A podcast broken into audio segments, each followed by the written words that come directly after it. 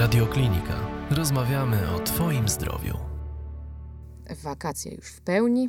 Większość z nas ma zabukowane wyjazdy. Część pewnie skorzysta z oferty last minute, jednak bez względu na to, gdzie się wybieramy, przed wyjazdem wielu z nas towarzyszy ten dość przyjemny stresik związany z przygotowaniami. Co zapakować, czy wszystko kupione, czy wybraliśmy najlepsze ubezpieczenie, no i czy na pewno zakręciliśmy gaz.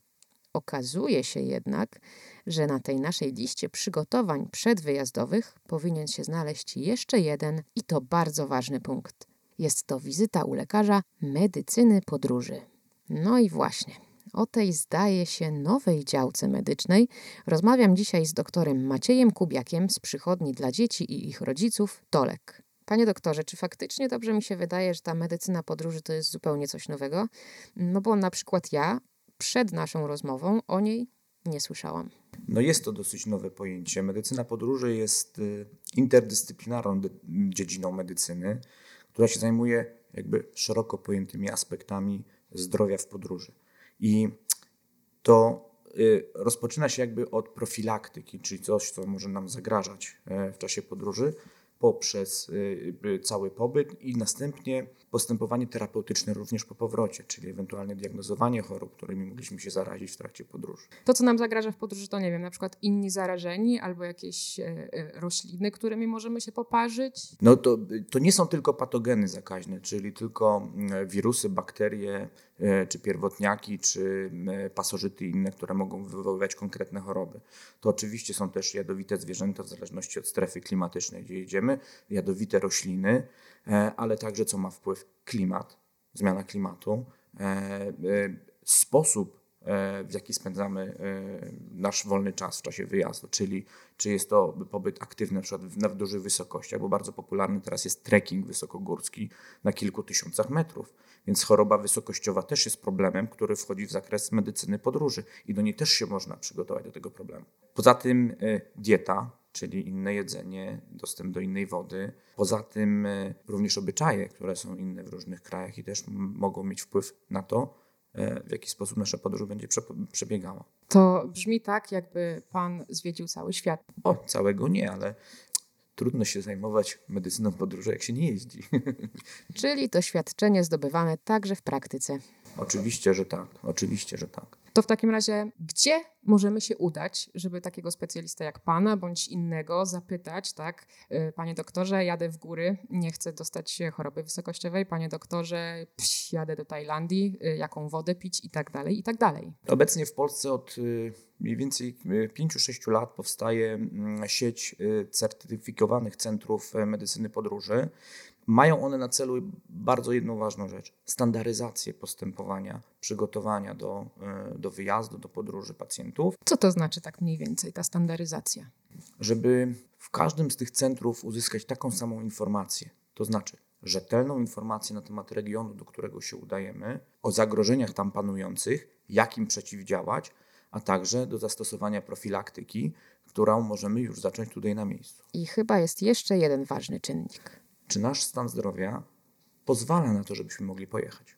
Czy ta podróż jest dla nas bezpieczna, bo przecież trzeba pamiętać, że e, pacjenci mają przewlekłe choroby, nadciśnienie, cukrzyca, e, astma oskrzelowa, no, choroby nerek przewlekłe. To wszystko są rzeczy, które mogą mieć wpływ na przebieg naszej podróży, zwłaszcza w ekstremalnych, nazwijmy tropikalnych warunkach. To znaczy, że jak udajemy się do lekarza medycyny podróży przed wyjazdem, to powinniśmy znać całą historię naszych chorób i zabrać ze sobą nawet tę mistyczną książeczkę zdrowia? E, no książeczka to może za dużo powiedziane, bo mało kto takie książeczki z dorosłych posiada, ale e, wiedzę na temat tego, jakie bierzemy leki, e, jaki jest stan naszego zdrowia. No w sytuacjach wątpliwych oczywiście taki lekarz z Centrum Medycyny Podróży również zleci pewne badania, które będą w stanie mm, rozwiać wątpliwości, czy mogę jechać, czy nie. I to też dotyczy Włoch na przykład, czy nie wiem, Chorwacji bardzo popularnej? To, to tak naprawdę dotyczy każdego kraju, ponieważ y, oczywiście my traktujemy Europę jako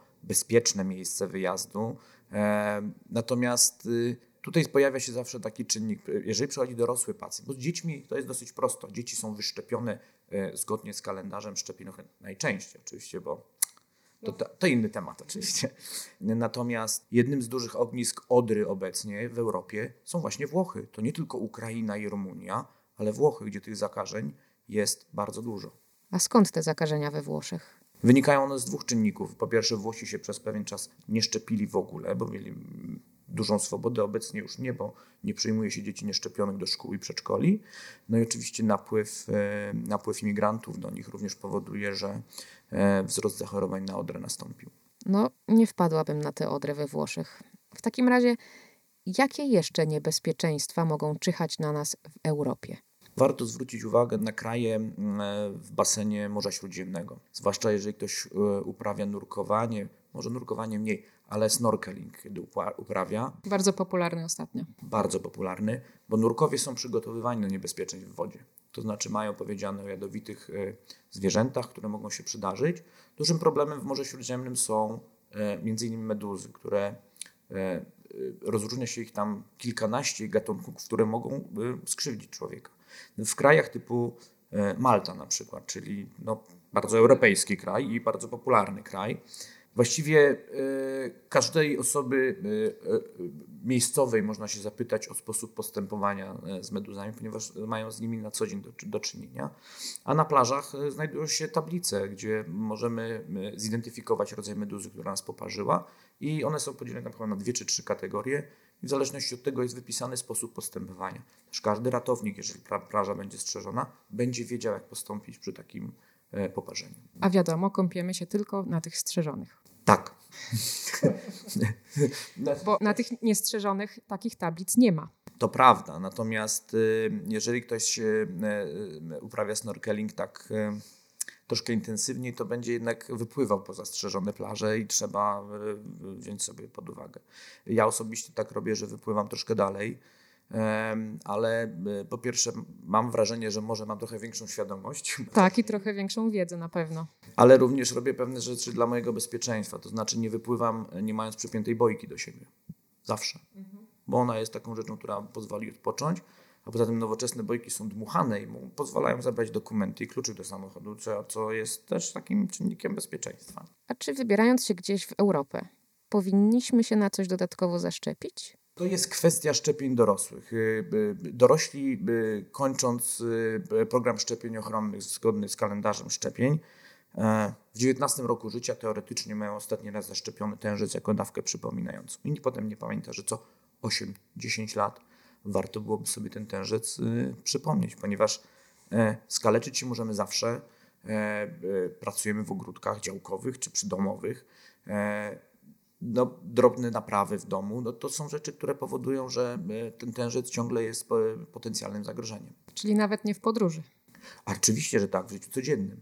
Więc szczepimy się to na pewno. Jeżeli chodzi o te europejskie sprawy, no to są takie powiedzmy, że przyziemne, tak? W miarę nam e, znane, te choroby są takie właśnie w tym naszym e, całym programie szczepień, które dostaliśmy i tak dalej. Nasze dzieci są na to szczepione, ale... Ale z ciekawostek, Ostatnio Islandia żądała na wjeździe zaświadczeń o zaszczepieniu przeciwko odrze.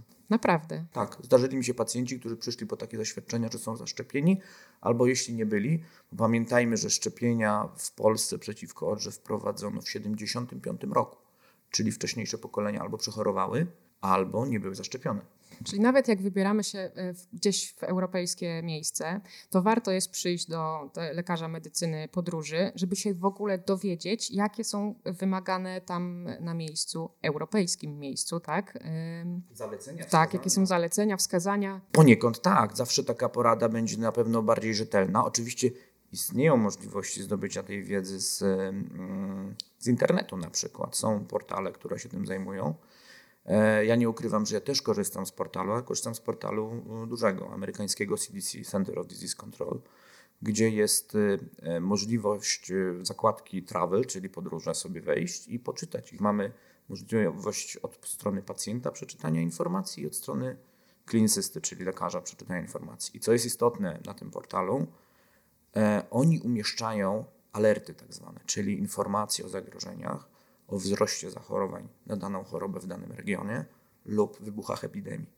Podróże to nie tylko te choroby, prawda? To też na przykład dzikie zwierzęta, które wydawałoby się, że w Europie wszystkie znamy i w ogóle jest fajnie, tak? Y, Wszystko głaszczemy, dotykamy i karmimy. To prawda, natomiast y, ze zwierzętami oczywiście trzeba ym, u- uważać, y, aczkolwiek nie trzeba wyjechać z Polski. Mam takie doświadczenie w swoje własne, bo mój syn miesiąc temu został ugryziony przez psa na ulicy, bezpańskiego, dzikiego psa i no, jedynym działaniem, które mogliśmy podjąć, to było wyszczepienie go e, przeciwko wściekliźnie. Natomiast oczywiście trzeba uważać na zwierzętach takie nietypowe, bo e, psy są na całym świecie. To jakby temat wścieklizny jest dosyć istotny, ale to nie tylko psy.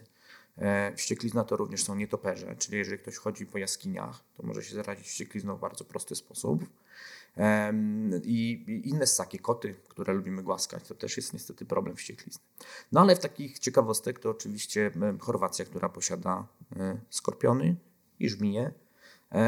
Skorpiony na szczęście nie są e, dla nas e, groźne, bo oprócz bólu niczego nam nie spowodują, nie są śmiertelne dla nas. Ale żmije? No, żmije oczywiście są zawsze potencjalnie niebezpieczne i generalnie postępowanie przy ukąszeniu przez żmije czy przez węże w tropikach no, polega na jak najszybszym jakby pojawieniu się u, e, u lekarza i doboru su- surowicy, którą można podać. Stąd też jest takie mm, bardzo istotne postępowanie profilaktyczne przy ukąszeniach, skoro żeśmy ten temat poruszyli.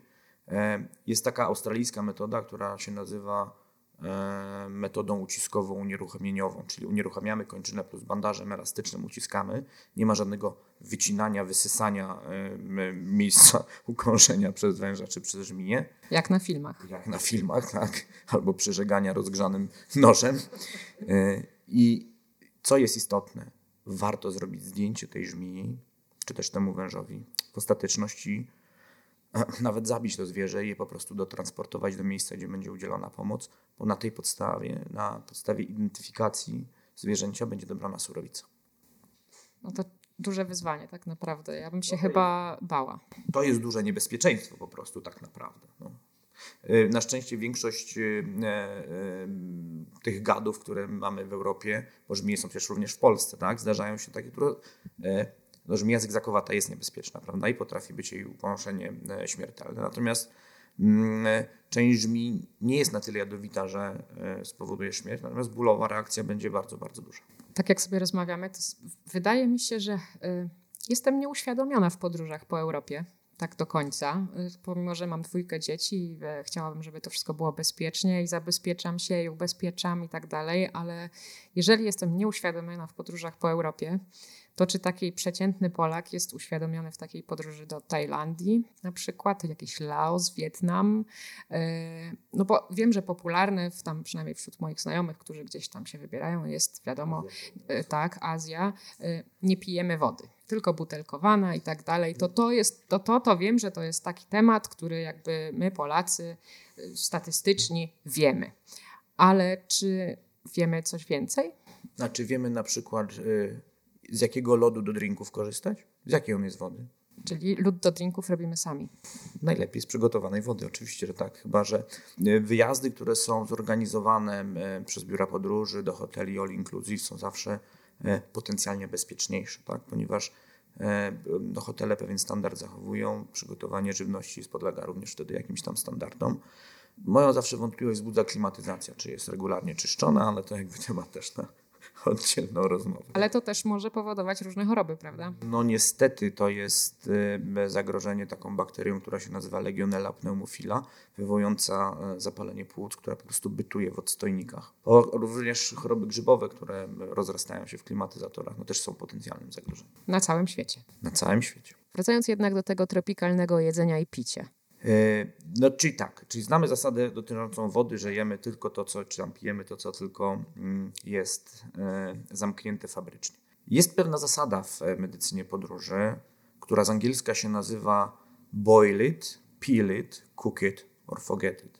Czyli albo ugotuj wodę, obierz owoc, ugotuj to, co chcesz zjeść, albo zapomnij i nie jedz tego. Czyli surowe nie. Surowe może być, tylko musi być obrane. Owoc musi być zawsze obrany. Nie jemy owocu z... Taka jest zasada. Na całym świecie, nie tylko Azja. Na całym świecie. Z, wiadomo, że tropiki są zawsze tym zagrożeniem większym, tak? Bo, bo szybciej procesy gnilne, dużo większa wilgotność, wyższa temperatura. Natomiast jest to zasada, która powinna tak naprawdę dominować na całym świecie. Zresztą też te, stąd też w tych tropikach to jedzenie jest zazwyczaj ostrzejsze, tak, bardziej przyprawione właśnie dokładnie z tych procesów gnilnych, z tych bakterii, które się szybko pojawiają i tak dalej, i tak dalej. No dobrze. Mam wrażenie, że to jedzenie i picie to gdzieś tam, tak, nam świta z tyłu, żeby nie jeść, nie. Tak, wiem, wiem, widzę pana minę. Świta, to też podpowiadam, że świta. Ale gdzieś tam jest w tej świadomości, gdzieś tam, tak? Praktyka a teoria to są dwie różne rzeczy, ale gdzieś tam w tej naszej szyszynce ta lampka czasem się zapala.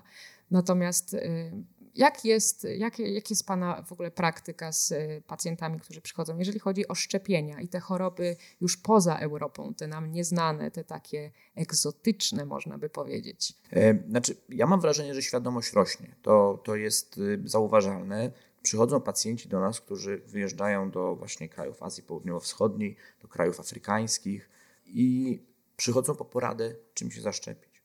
E, nie ma uniwersalnego postępowania. To znaczy, jest tak, że są do pewnych krajów zalecenia dotyczące szczepień. Tak naprawdę obowiązkowym szczepieniem na dziś jest tylko e, szczepienie przeciwko żółtej febry do krajów, w których e, ona występuje. Tylko to jest obowiązkowe. Tylko to jest obowiązkowe do tych krajów i kraje, do których podróżujemy z tych krajów z endemicznym występowaniem żółtej febry, mogą też tego typu świadectwa wymagać. A cała jakaś reszta chorób y, tych egzotycznych nie są obowiązkowe? Mm, tak naprawdę nie ma. One są zalecane i one bardzo często wynikają właśnie z charakteru naszego wyjazdu. Po pierwsze, na pewno długość pobytu e, natychmiast generuje e, zwiększenie ilości szczepień, które powinniśmy wykonać, bo jest to potencjalnie dłuższy czas na e, zarażenie się. Czyli im dłużej, tym więcej kłuć. No poniekąd tak, no poniekąd tak. Natomiast jeżeli ktoś tam jedzie typu kontrakt do pracy, bo takie osoby też się zdarzają, no to tak naprawdę tutaj nie ma żadnej litości i tych ukłuć jest tak naprawdę na wszystko, co się da, bo nie przewidzi człowiek sytuacji, tak? I to będą kwestie przypomnienia oczywiście tych podstawowych rzeczy, błonica, tężec, krztusiec, ha, polio. Ciągle na świecie istnieje dzikie polio. Jakieś dwa tygodnie temu była informacja w Wenezueli o, o pierwszym od kilkudziesięciu lat zachorowaniu na polio u dziecka, nieszczepionego dziecka oczywiście. Trzy kraje zastanawiają się, bądź już nawet wprowadziły obowiązek szczepień. To jest Pakistan, Afganistan, może mało e, i, i chyba Nigeria.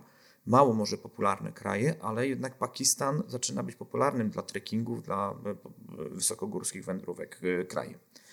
Ale tak, oczywiście Odra, która jest na całym świecie rozbuchana ostatnimi czasy, plus wszystkie inne możliwe szczepienia, które są do wykonania. Czyli tak, żółta febra, cholera, dury brzuszny, e, japońskie zapalenie mózgu, wścieklizna to przy tych e, zagrożeniach, o których żeśmy mówili. A co z malarią? Malarii nie ma szczepienia. Nie istnieje szczepionka. W ogóle malaria jest uznawana za hmm, chyba największy globalny problem medycyny podróży, ponieważ nikt sobie nie zdaje sprawy, ale statystycznie e, WHO podaje, że jest około 200 milionów, ponad 200 milionów zachorowań rocznie na malarię i 430 tysięcy zgonów w związku z malarią na świecie. A dlaczego tak dużo? Oprócz tego, że nie ma szczepionki, ale jak się zarażamy? Bo może nie każdy wie. E, no, zarażamy się poprzez y, urządlenie przez y, komara. Y, I tutaj jakby kłania się cała profilaktyka postępowania przeciwko urządleniom komarów. To są oczywiście tak, po pierwsze dobry repelent. Czyli? Czyli środek, który zapobiega urządleniom komarów nakładany na skórę. I tutaj jakby mm, są dwa, które się stosuje mm, i dostępne są u nas w kraju. E, jeden to jest y, środki zawierające DET, DEET, i e, je zaczyna się uważać, że jednak potencjalnie niebezpieczne dla zdrowia człowieka, więc y, schodzą jakby na drugi plan, ale drugie, e, drugie środki to jest y, pikarydyna czy też ikarydyna e, i to są środki uznawane na dziś za bezpieczne, bodajże od y, trzeciego roku życia już można je e, dosyć bezpiecznie aplikować na skórę. Dodatkowo moskitiery, to jest taka rzecz, o których trzeba pamiętać wyjeżdżając w dziwne kraje. Istnieją moskitiery nasączone repelentami. E, kolejna rzecz to jest odzież. Istnieje odzież, która uniemożliwia przekłucie się przez komara. To tylko dotyczy takiej na przykład wyprawy w dżunglę, czy po prostu zwykłego pobytu w jakimś miasteczku? E, generalnie są, e, znaczy miasta uważa się za bezpieczniejsze najczęściej, ale są wyjątki. Są miasta na świecie, gdzie e, jest dużo zagrożeń. Na przykład dużym zagrożeniem jest e, izolowanym świątynia Angkor Wat, bardzo często e, odwiedzana przez turystów w Azji Południowo-Wschodniej. Ona niby się znajduje w dżungli, no ale jest takim skupiskiem bardzo dużym ludzi i wydreptana jest ścieżka dosyć intensywnie, i, ale jest to miejsce dużego zagrożenia malarią. E, z drugiej strony jedziemy do krajów Ameryki Południowej na trekking wysokogórski, nie wiem, Peru, Boliwia. Teoretycznie są to kraje malaryczne, ale powyżej 2,5 tysiąca metrów no, komarów nie ma, więc też jest to bezpieczniej wtedy. Tak? To jest wszystko do rozważenia. To jest wszystko indywidualne w zależności od tego, co będziemy w czasie podróży robili. Czyli dlatego właśnie między innymi trzeba się zwrócić do lekarza medycyny podróży wcześniej. Tak? Na ile wcześniej powinniśmy to zrobić? Znaczy idealnym okresem jest 6-8 y, tygodni. 6, 6 tygodni to jest y, powiedzmy taki mm, ostatni moment, y, w którym możemy spokojnie zaplanować szczepienia, ponieważ szczepionki nie, nie działają z dnia na dzień. A jeżeli potrzebujemy na przykład zaszczepić żółtą febrę, to trzeba być świadomość taką, że to my ją, że ją wpiszemy do książeczki, to wcale nie oznacza, że szczepienie działa. Człowiek zostanie wpuszczony do kraju, jeżeli ma zaświadczenie powyżej 10 dni od szczepienia udało, bo tyle potrzeba. Jeżeli pojedzie w dziewiątym dniu od szczepienia, nie wpuszczą go do tego kraju. Trzeba być tego świadomym. Służby graniczne są bardzo wyczulone i e, e, reagują na to dosyć jednoznacznie. I to jest ta jedna z tych chorób wymaganych, znaczy tych szczepionek. Na, tak, ta obowiązkowa. Ta obowiązkowa szczepionka, o której żeśmy mówili. Niestety są też kraje, które e, czasami nadużywają, to znaczy nie wymagają na co dzień obowiązkowego szczepienia, ale na przykład zarządzają to w momencie, kiedy pojawi się epidemia, e, zostanie zawleczone do nich zakażenie, albo jest widzimy się miejscowych władz. I bywa czasami tak, że jeżeli są, te kraje są, są znane, to są dosyć popularne miejsca wyjazdu i dochodzi do tego, że człowiek wysiada z samolotu i jest postawiony przed alternatywą, albo pan wkłada rękę w okienko i szczepimy za kilkadziesiąt dolarów, albo pan wraca do domu. I też nie wiemy, w jakich warunkach to szczepienie się odbędzie wtedy, tak? Tak naprawdę. Czyli lepiej jednak wrócić do domu? Zawsze jest lepiej wrócić do domu. Podróż polega na tym, żeby ją zamknąć e, e, powrotem. Ale z takich jeszcze zupełnie nietypowych rzeczy, o których nie pamiętamy przy wyjeździe, a często e, kłopotem, to jest zwykła grypa. Naprawdę. Naprawdę. Mam przyjaciela, któremu wyjazd w Tajlandii przebiegł pod kątem pobyt hotel i szpital. I to była zwykła grypa. Którą zaraził się tam na miejscu? No, y, okres inkubacji jest y, y, kilka godzin, tak? kilkanaście czy kilkadziesiąt godzin. Tak? Mm, uważa się, że 2-3 dni maksymalnie, e, więc najprawdopodobniej złapał e, w samolocie. To jest bardzo duży inkubator zarazków. Klimatyzacja i to wszyscy razem jesteśmy. Suche, i... suche powietrze poprzez klimatyzację. Poza tym powietrze, e, które wchodzi do samolotu jest ogrzewane, bo służy do chłodzenia silników, więc ono jest siłą rzeczy niszczące śluzówki, jak niszczone wysuszone śluzówki, więc łatwiej alergeny i różne patogeny są w stanie się przedostać przez, naszą barierę śluzówkową. I ta zwykła grypa jest y, groźniejsza w takiej Tajlandii?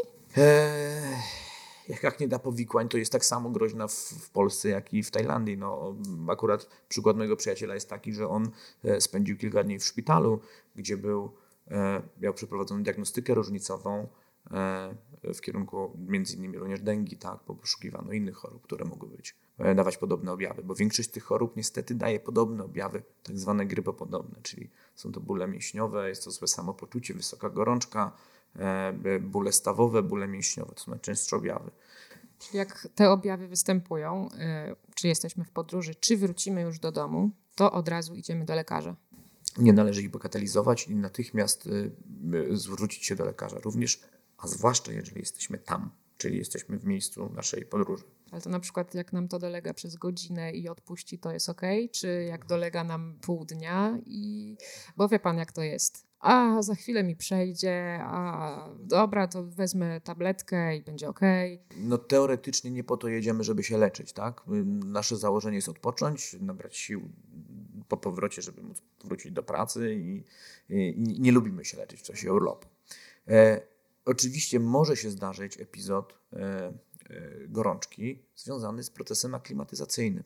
On ma prawo do trzech dób od zmiany strefy klimatycznej e, wystąpić i może być taki objaw, że pojawi się gorączka. Jeżeli to będzie jednorazowy epizod, oczywiście nie musimy po jednorazowym epizodzie biec do lekarza, ale jeżeli będzie tak, że ta nasza gorączka co 6-8 godzin będzie nawracała, to oczywiście jest to wskazanie, żeby udać się po poradę medyczną. Czyli jak tylko wystąpi, obserwujemy się, zbijamy od razu tę gorączkę? Tak, oczywiście. E, jednym z elementów e, wizyty u lekarza medycyny podróży jest opracowanie apteczki podróżnej. I leki przeciwbólowe, przeciwzapalne, przeciwgorączkowe są jednym z podstawowych elementów, e, który, o których się mówi. Na te 6-8 tygodni przed wyjazdem. Tak, i dostajemy tą poradę również dotyczącą apteczki. Jest to jakby standaryzacja postępowania w centrach medycyny podróży. Służy temu, służy temu, tak, żeby te apteczki również pacjentom pomóc skonfigurować. Co jest istotne, e, pacjenci, którzy mają przewlekłe choroby, biorą przewlekłe leki, też trzeba ich poinformować, jak mogą je przewieźć, bo nie wszystkie kraje pozwalają wozić leki. Większość na szczęście pozwala. Najczęściej jest to tak, że możemy wwieźć trzymiesięczną kurację swojego leku, ale może trzeba pacjentowi napisać po angielsku zaświadczenie, że musi przyjmować te leki. Czasami pomoże. Co jest istotne, e, leków, które biorę przewlekle, nigdy nie włożyłbym do dużego bagażu, bo bagaż może e, na przestrzeni kilkunastu tysięcy kilometrów e, zmienić zupełnie destynację. Może nie dotrzeć razem z nami tam, gdzie Dokładnie. jesteśmy. I jak przewieźć te leki w bagażu podręcznym? To zaświadczenie jest rzeczą, które pomaga, tak? ponieważ no to jednoznacznie służbom wszystkim granicznym mówi, że że jest taka potrzeba i te zaświadczenia są honorowane. Co jeszcze da nam taki e, lekarz medycyny podróży przed wyjazdem? Już wiemy, e, pozwoli nam się przygotować pod względem tych chorób, szczepień, mhm. pomoże nam dobrać apteczkę, mhm. opowie nam trochę też o zwierzętach, tak? Mhm. Opowie? Dlaczego nie? Opowie, oczywiście, że opowie, ponieważ jest to jeden z elementów. My jako lekarze medycyny, certyfikowani lekarze medycyny podróży, E, e, rokrocznie mamy takie kilkudniowe spotkanie, gdzie pewne nowinki są odnawiane i e, certyfikację też się uzyskało po jakimś egzaminie, więc tutaj jakby ta wiedza dotycząca jadowitych gatunków też, też, też musi być. No. I jedzenia tak samo. Jedzenia tak samo. No, biegunki są chyba drugim co do ważności po szczepieniach tematem, bo jest najczęściej występująca dolegliwość u, u pacjentów. Oczywiście e, zawsze radzimy pobieranie probiotyków już przed wyjazdem, w czasie całej podróży. Natomiast są drobnoustroje, które no, miejscowe, lokalne, które są dokuczliwe.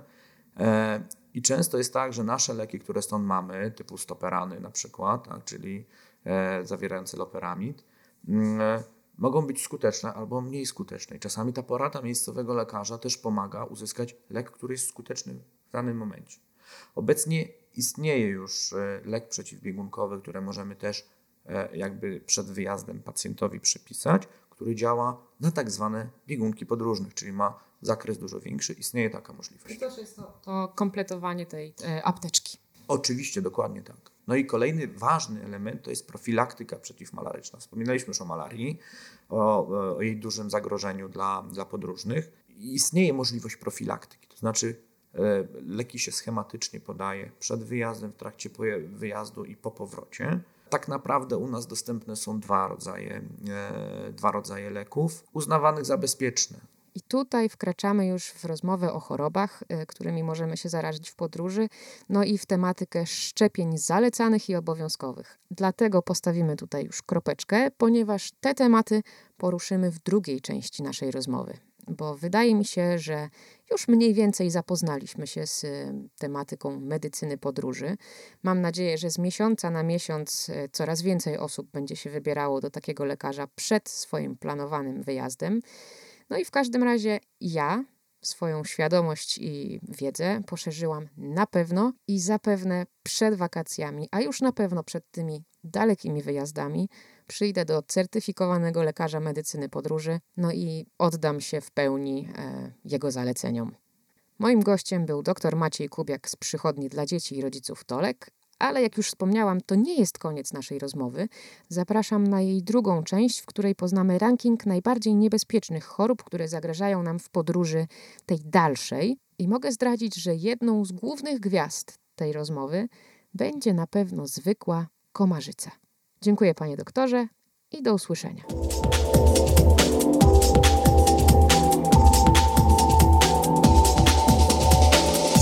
Radioklinika. Rozmawiamy o Twoim zdrowiu.